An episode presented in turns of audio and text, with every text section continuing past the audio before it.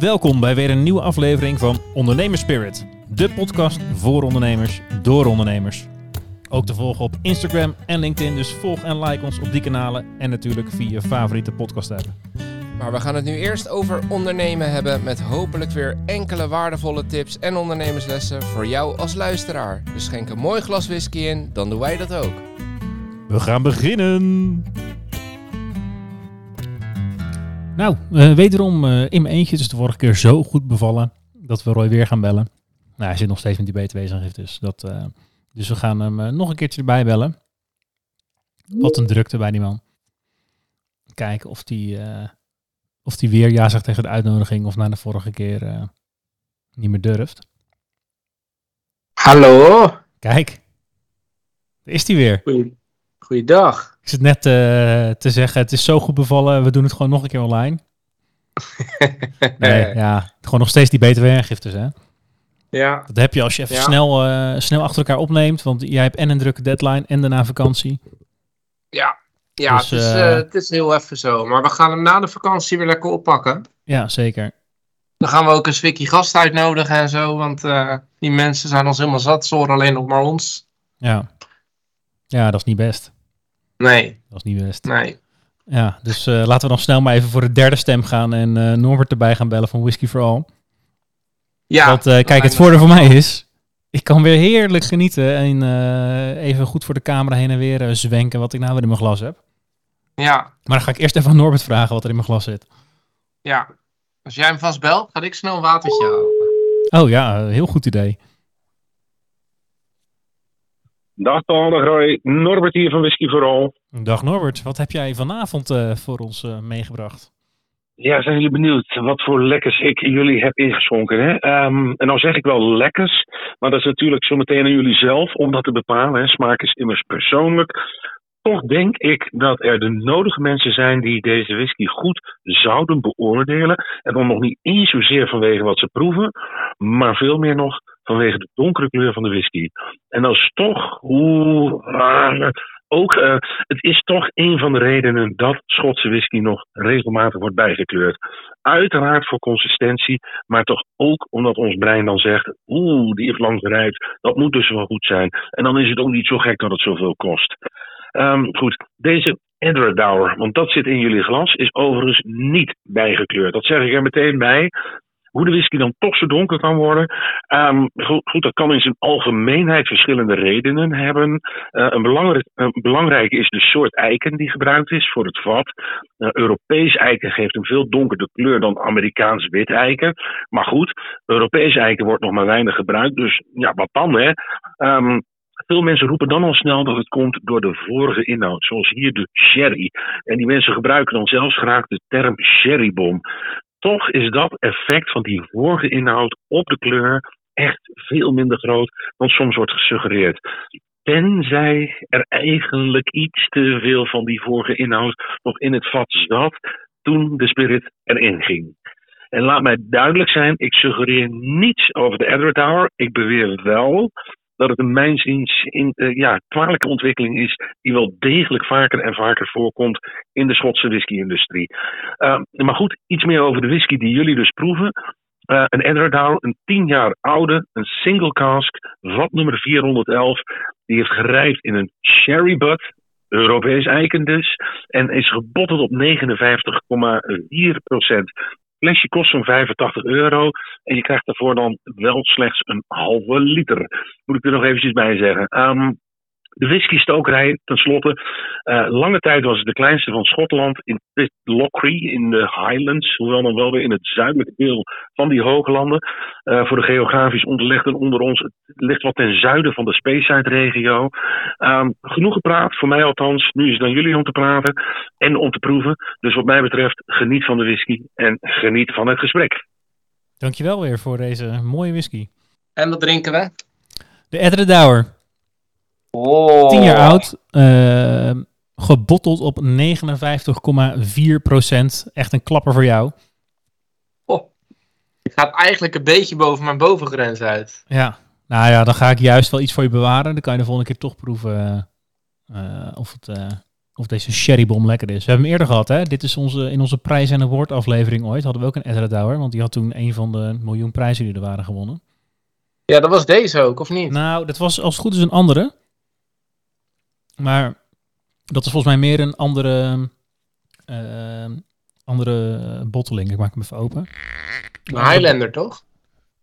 Ehm, eh, ten zuiden van de Space Side, eh, dat is Highlander, ja.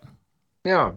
Eh, maar dat was ook een Edward Douwer 10 jaar oud. Maar ja, ik weet niet meer wat het percentage daarvan was. Maar eh, wel een andere botteling. Dus wel net even iets anders. Maar het zal vergelijkbaar zijn qua smaakprofiel, denk ik. Ja, precies. 59 is wel veel hoor. Ja, is wel... eh, Want die uit de core range die zit volgens mij rond, eh, hoe rond, rond de het? 40, 42 of zo. ja, dat zou heel goed kunnen. Zou heel goed kunnen. Ja. Qua strength is over het algemeen wat hoger, hè? Ja, ruikt wel goed. Maar ruikt inderdaad ook wel een beetje alcoholisch licht, moet ik zeggen. Wat ook niet zo gek is met zoveel alcohol. In jouw glas water, hoe ruikt die? Neutraal. Oh, lekker man. Plat. Niet Oh. bruisend. Niet bruisend, oh ja. Nou, hier eh, ja, ruik je echt wel een beetje ehm, van die, eh, ja, wat zou ik zeggen? Gedroogde pruimen en zo, weet je wel? Echt een gedroogde fruit, wat je die sherry, eh, sherry haalt. Ja. Ja, ja, dat is vaak hè, sherryvaatjes inderdaad. ja. Hou je ook wel van, hè? Weet je wat echt vies lijkt hierbij? Nou, Pure chocola. lijkt me niet te doen. ja, pak ik het er nu niet bij, joh. Maakt niet uit. Nou ja. Ja. Nou, Maar ik, heb dat- wel eens, ik heb wel eens eh, glazen op dat ik denk van, joh, eh, die alcohol die, eh, Komt op me af. die knalt erin. Maar dat valt hier wel mee. Maar je proeft wel dat er veel alcohol in zit, dat wel. Ja, precies. Maar ik vind hem, ja, qua smaak eigenlijk nog verrassend vlak voor, ja. Wacht, ik neem nog een slokje. Ja, je moet wel even goed... je kan niet zeggen dat, dat whisky vooral vlakke whisky geeft, Paul. Kan je niet maken. Nou, er zit wel veel smaak in. Maar ik had net het idee van, hij is eh, redelijk snel weer weg. Maar ik weet niet, het lag er misschien aan dat ik net daarvoor een slokje water op had. Ja, dat zou kunnen. Nee, hij is wel, Dat zou eh, hij is eh, stevig, hij is stevig. Ik kan me goed voorstellen dat jij zegt, ik vind hem te. Ja? Ja, dat, hij brandt er wel nog even lekker door in je mond, de alcohol. Ja, precies. Ja, ja, dat vind ik altijd wel een beetje spannend inderdaad. Ja, ik heb er nog een beetje van over. Als je terugkomt van vakantie, dan ja, ja dat, dat waardeer ik wel. Dat eh, kan gewoon nog gaan even we toch nog proeven. even proeven. Ja. En die van vorige week ook. En dan hebben we straks een aflevering met een gast en dan zit ik eerst van mij smaakt nog iets. Het eerste anderhalf uur. eh. Ja, ja. Nou, zo lang doe je er niet over, joh. Jij bent in vijf minuten klaar met die smaaktradities. Ja, Is ook zo, ja, toch? Ja. precies. Dat is ook zo. Ehm, top. We gaan het hebben over de politiek. Ja, En er dat, komen eh, verkiezingen aan, Paul. ja, ja, we nemen het iets van tevoren op, dus ik weet niet precies wat er de komende week allemaal nog gaat gebeuren. Maar eh, ja, de, eh, de halve kamer loopt leeg volgens mij. Eh bewindslieden stappen op en mensen gaan niet meer door als lijsttrekker. Er komen allemaal, Nee. allemaal nieuwe poppetjes terecht. Mhm. En eh, ja, ik, ik weet eigenlijk niet hoe het bij jou zit, maar ik heb een beetje het idee van, joh, wat, gaan we nou nog, wat gaan we nou nog doen met z'n allen? Op wie moet ik nou nog stemmen? Want er lijkt elke keer weinig te veranderen, waar er ook op gestemd wordt, wat de uitkomst ook is. Ja, En ik weet niet zo goed of ik er nou vertrouwen heb of het echt eh, heel anders gaat worden. Ik weet niet hoe jij erin staat, maar ik merk dat ik zelf eh, lichtelijk cynisch ben geworden. En eh, ja, ik ben nog Ja. helemaal geen 40, nog, laat staan nog ouder. En meestal begint dan het cynisme pas. nee, ja, we zijn ergens midden dertig. want We hebben een podcast, Paul. Ja, precies. Ja, Nee, ja, ik, ik snap heel goed wat je zegt. Ik denk, nou ja, hoe lang hebben we het met onze grote vriend Rutte moeten doen? Elf jaar of zo? ja zoiets. Ja, Echt als premier, zeg maar. ja. Ja, dan denk ik dat het niet verkeerd is om, eh, om een keer over te gaan naar verandering.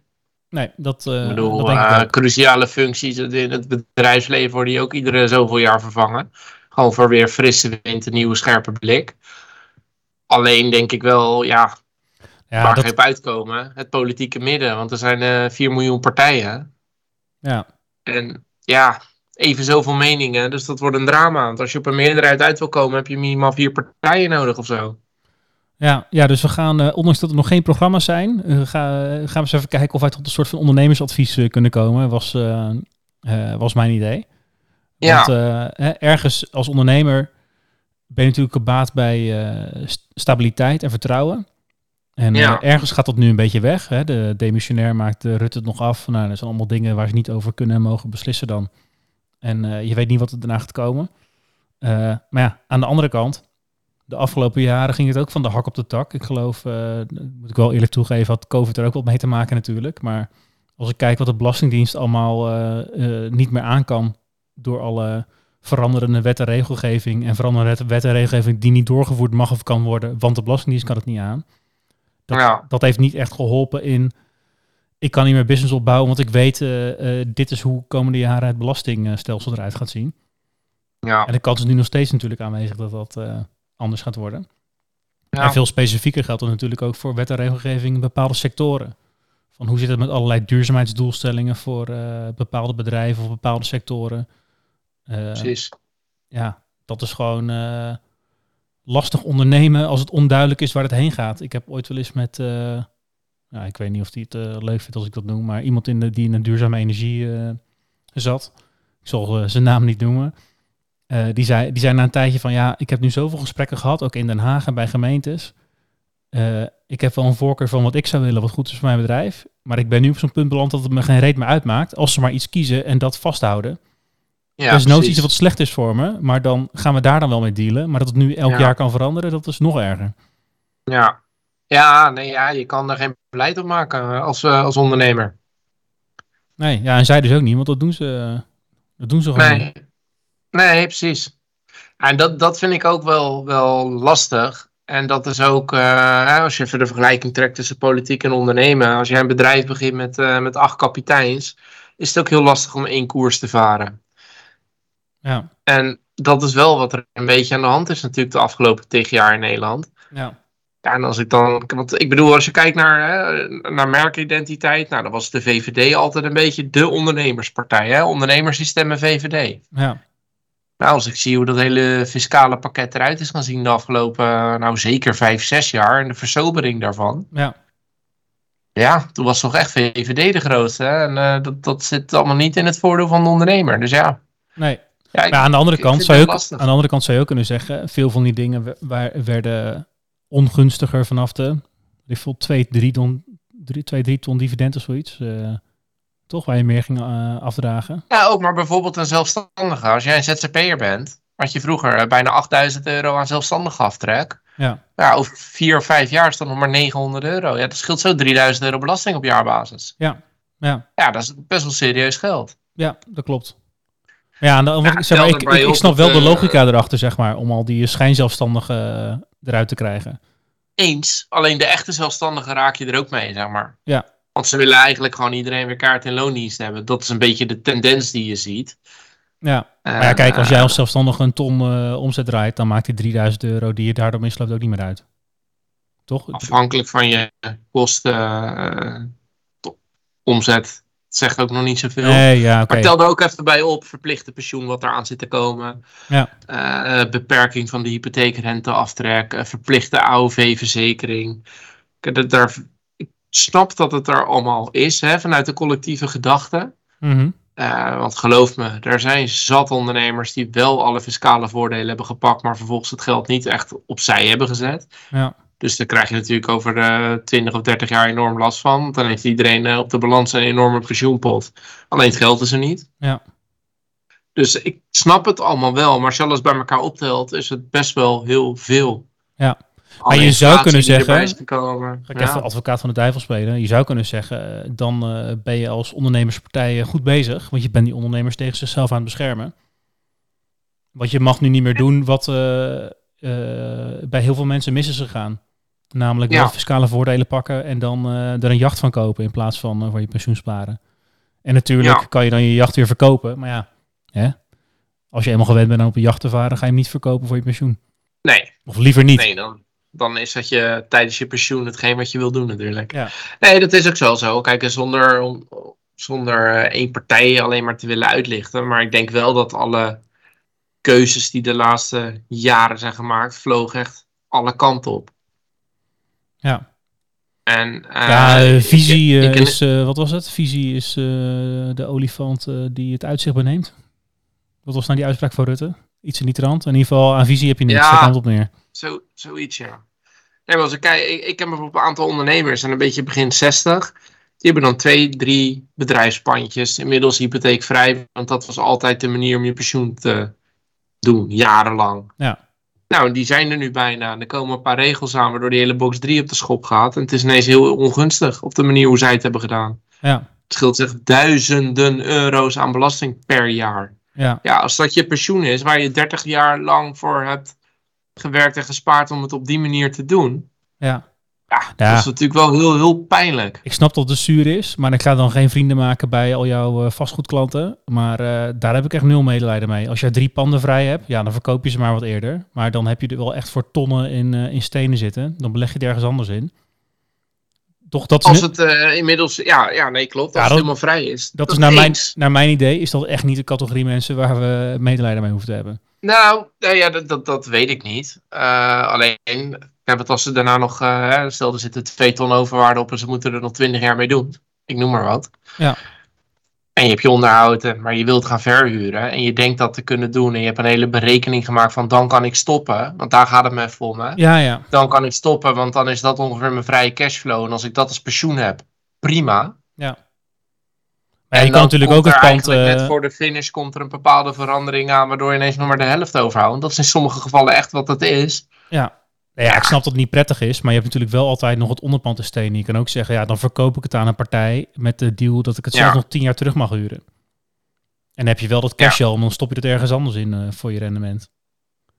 Toch? Ja, ik, dat- ik, dat- ik, ik lees dat allemaal hele zielige verhalen van ondernemers, eh, waarvan ik dan zeg zogenaamde ondernemers, die, eh, die een soort van vastgoedbaasje spelen. Mhm.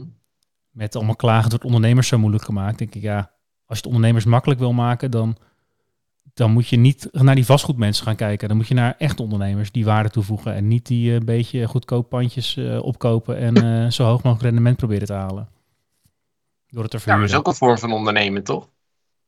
Want ze nemen wel het risico en ze nemen wel het pand, ze nemen het onderhoud en ze gaan het verhuren. Want er zijn natuurlijk ook zat bedrijven die Ja, oké. huren. Die nee, Nee, nemen zeker, zelf ja. het pand waar wij in zitten. Ja, dat huren we. Dat vind ik dikke prima. Dat hoef ik echt niet per se te kopen. Nee, kijk, er zijn mensen die dit echt zo doen. Maar eh, Ja. een, een groot deel daarvan die heeft het dan natuurlijk over eh, passief inkomen en eh, zo min mogelijk doen en wel met je huurinkomsten geld verdienen. Dat is even Maar de categorie waar ik het over heb. Maar Ja, oké, maar dan heb je de, daar kunnen we ook wel aflevering over bij het hele FIRE gedachte. Dat Ja. Financial Independent Retire Early.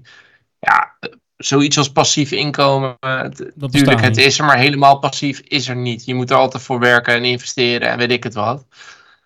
Eh, kijk, dat je geld voor jou kan laten werken en dat jij alleen maar werkt voor je geld. Tuurlijk, dat is helemaal waar. Maar echt helemaal passief inkomen en op je 35 op een of ander strand eh, in de tropen in een Ferrari rondrijden, dat is voor heel weinig weggelegd. En alle filmpjes die je op YouTube zien, dat zijn allemaal gehuurde auto's en eh, gesponsorde vakanties. Dat is gereed van waar. Nee, zeker niet. Nou ja, als het echt zo Maar we zijn net de eh, politiek. We wijken eh, lekker af van het, ja, van het hele verhaal. ja, maar ja, ja, ja, oké. Maar waar zou, waar, waar, jij, jij bent ook ondernemer, waar ga jij nou op letten? Even los van wat je persoonlijke voorkeuren zijn, maar wat vind jij nou belangrijke eh, items? Ja, belangrijke items. Nou, waar er ehm, eh, een beetje die, eh, die, die zekerheid of stabiliteit, een beetje kijken of ik ehm, straks in die programma's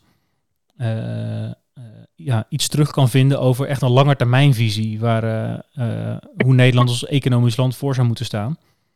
Eh, want ik heb de, van de afgelopen ja, twaalf jaar het idee dat het vooral ging van, hey, wat is nu gunstig om te vinden? Dan gaan we dat doen. Want dat eh, Ja. wint veel eh, stemmen voor de volgende keer. Ja, precies. en dus ik- ben eigenlijk vooral een beetje op zoek naar van wie heeft er nou echt een wat meer een langetermijn ehm verhaal en denkt daarover na. En ik snap hartstikke goed dat je niet alles waar kan maken, want we leven in een Nederland compromissenland. Dus eh, natuurlijk ga je met andere partijen regeren en kan je niet alles Ja, uit. Daar ontkom je niet aan. Dat is ook helemaal niet erg. Dat is denk ik ook wel eh, goed in zekere zin. Ehm, Mhm. maar dan moet je wel starten vanuit een soort van beeld waar het naartoe zou moeten gaan.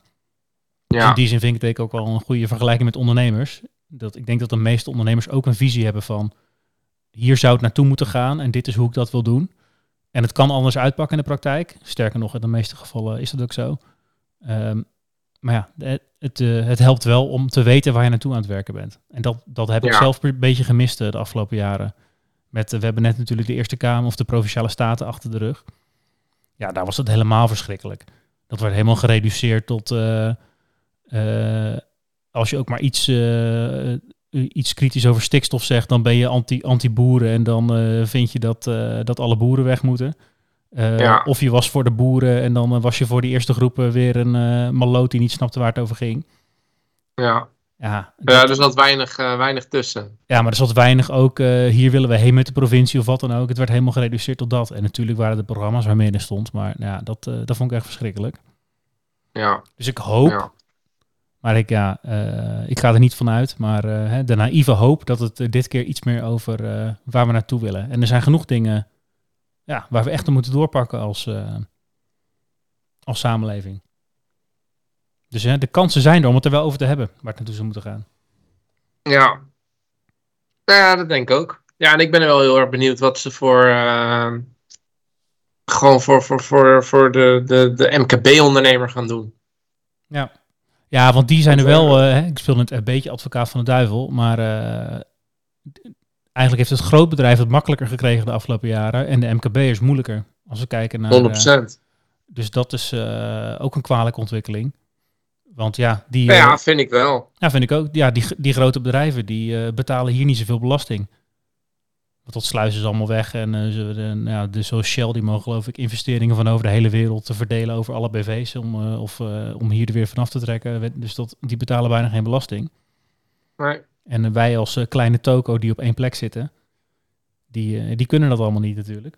Nee, en het wordt gewoon heel erg. eh, nou ja, in het kader van werkgelegenheid en, en et cetera. En we moeten die bedrijven hier houden, wordt eigenlijk geen strobreed in de weg gelegd. En dan denk ik, ja, als je dan als ondernemer een keer wat, wat, wat over hebt en wil investeren, maar eh, dan, moet je aan allerlei regels en weet ik het wat voldoen. En we gooien de VPB omhoog en weet ik het wat. Dan denk ik, ja, het is leuk dat je bij het MKB 4% ophaalt. Maar als je bij de Shells en eh, de, de, de andere grote jongens van deze wereld eh, een keer echt gaat, gaat halen wat ze eigenlijk zouden moeten betalen. Ja. Ik geloof dat eh, Apple, die betaalt geloof ik nog geen 1% hier in Nederland. Ja, omdat ze allerlei constructies hebben. En denk ja, ik denk als je daar gewoon netjes je 15 of je 20% gaat pakken, dan kan je heel veel DGA's met rust laten van dat geld. Nou, inderdaad, ja.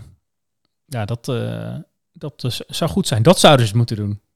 Ja, nou ja, dat, dat, dat denk ik ook. Maar ja, dat, eh, dat, dat, dat Ja. gaan ze niet doen. Want, Dit raakt natuurlijk ook een beetje wel, aan eh discussie waar we het eerder over hadden. Over eh, personeel met eh, bonus of aandelen constructies belonen. Dat het ook allemaal niet zo handig Ja. belast wordt. nee, Dat doen wij in Nederland al veel slechter eh, dan eh, in de landen om ons heen. zeker. En de gesprekken nu eh, wijzen niet op een verbetering. Ja, dat zijn dingen waar je zo makkelijk het verschil kan maken. Om het, nou, Ja. zeg maar, maak het nou eens heel makkelijk voor mensen die vroeg bij een start-up gaan werken. Die nou, ja, misschien eh, modaal of minder dan modaal salaris verdienen. Wat natuurlijk een hartstikke mooi salaris is, maar eh, weinig in vergelijking met de leeftijdsgenoten die eh, misschien nog bij een grote consultant werken. Dan krijg je Ja. een plukje aandelen. Ja, laat die mensen daar nou eens even geen belasting over betalen in de eerste vijf jaar, zoals in heel veel landen zo is. Zodat ze de ruimte Ja. hebben om het te investeren. Ik geloof Precies. dat dat in best wel wat landen is. Als jij eh, eh, je, je aandelen hebt eh, gecapitaliseerd, dan hoef je geen belasting te betalen als je het gelijk gebruikt om door te investeren in andere bedrijven. Dan ben je, dan ben je bedrijven aan het, aan het supporten en een ecosysteem aan het bouwen als het ware. Ja, Maar als je gelijk komt Ja. innen, ja, dan heb je ook geen kans dat er, een, keer hier, dat er een keer hier een Apple ontstaat. Ja, kijk, en we hebben natuurlijk met eh, de aflevering met, eh, met Jeroen ook over gehad. Ja, we zijn een kenniseconomie en daar moeten we het van hebben. We moeten ons onderscheiden. Ja, eh, zorg dan ook voor die randvoorwaarden inderdaad. Ja. Maar waar ga jij ik ben heel erg benieuwd met, we hebben nu jaren op rechts gehad. Dan denk ik, nou ja, dat is niet helemaal geworden op dat gebied. Maar ik denk dat we, eh, als de algemene tendens een beetje volgen, gaan we toch wat, wat linkser eh, af strakjes. Ja, dan, eh, ik, ik ben een beetje bang dat we vooral discussies gaan hebben over hoeveel manieren je iemand zijn gender moet gaan aanspreken, dan dat we gaan kijken hoe we het land verder gaan helpen. Ja, ik, Daar doe ben vast ik wel oprecht bang voor. ik doe hier alvast een voorspelling. Dat is namelijk, ik denk dat de VVD gewoon weer de grootste gaat worden. Dat denk ik ook. Dat denk ik eigenlijk ook wel. Eh, alleen ik denk wel dat er een heel sterker tegenblok komt, zeg maar. Ja.